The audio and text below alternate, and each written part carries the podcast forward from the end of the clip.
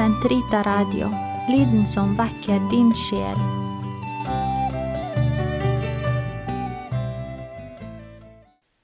Den katolske kirkes katekisme, uke 24, mandag, paragraf 380 til 385. Kort sagt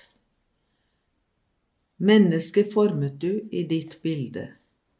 Du ga ham verden i varetekt, for at han som en tjener for deg, sin skaper, skulle herske over all skapningen.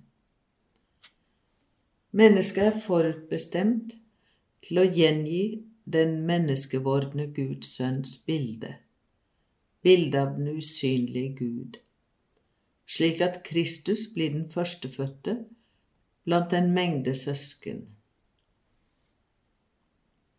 Mennesket er ett i kropp og sjel.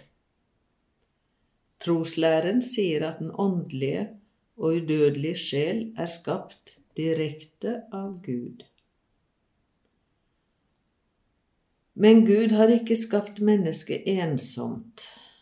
Fra begynnelsen av skapte han dem, mann og kvinne, og deres forening utgjorde for første gang et fellesskap mellom personer.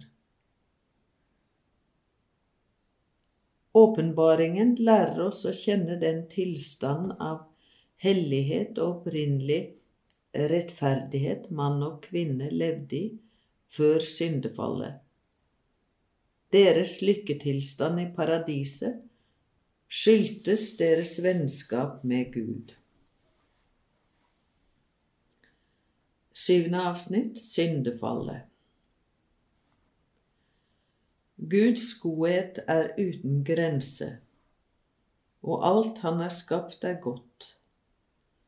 Men ingen unngår å erfare lidelse og det onde i naturen.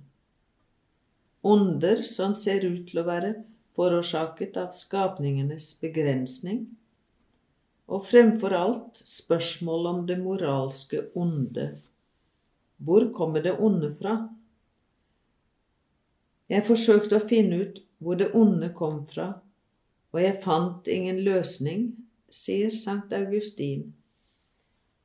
Og hans egen kvalfulle søken fant ingen utvei før han omvendte seg til den levende Gud.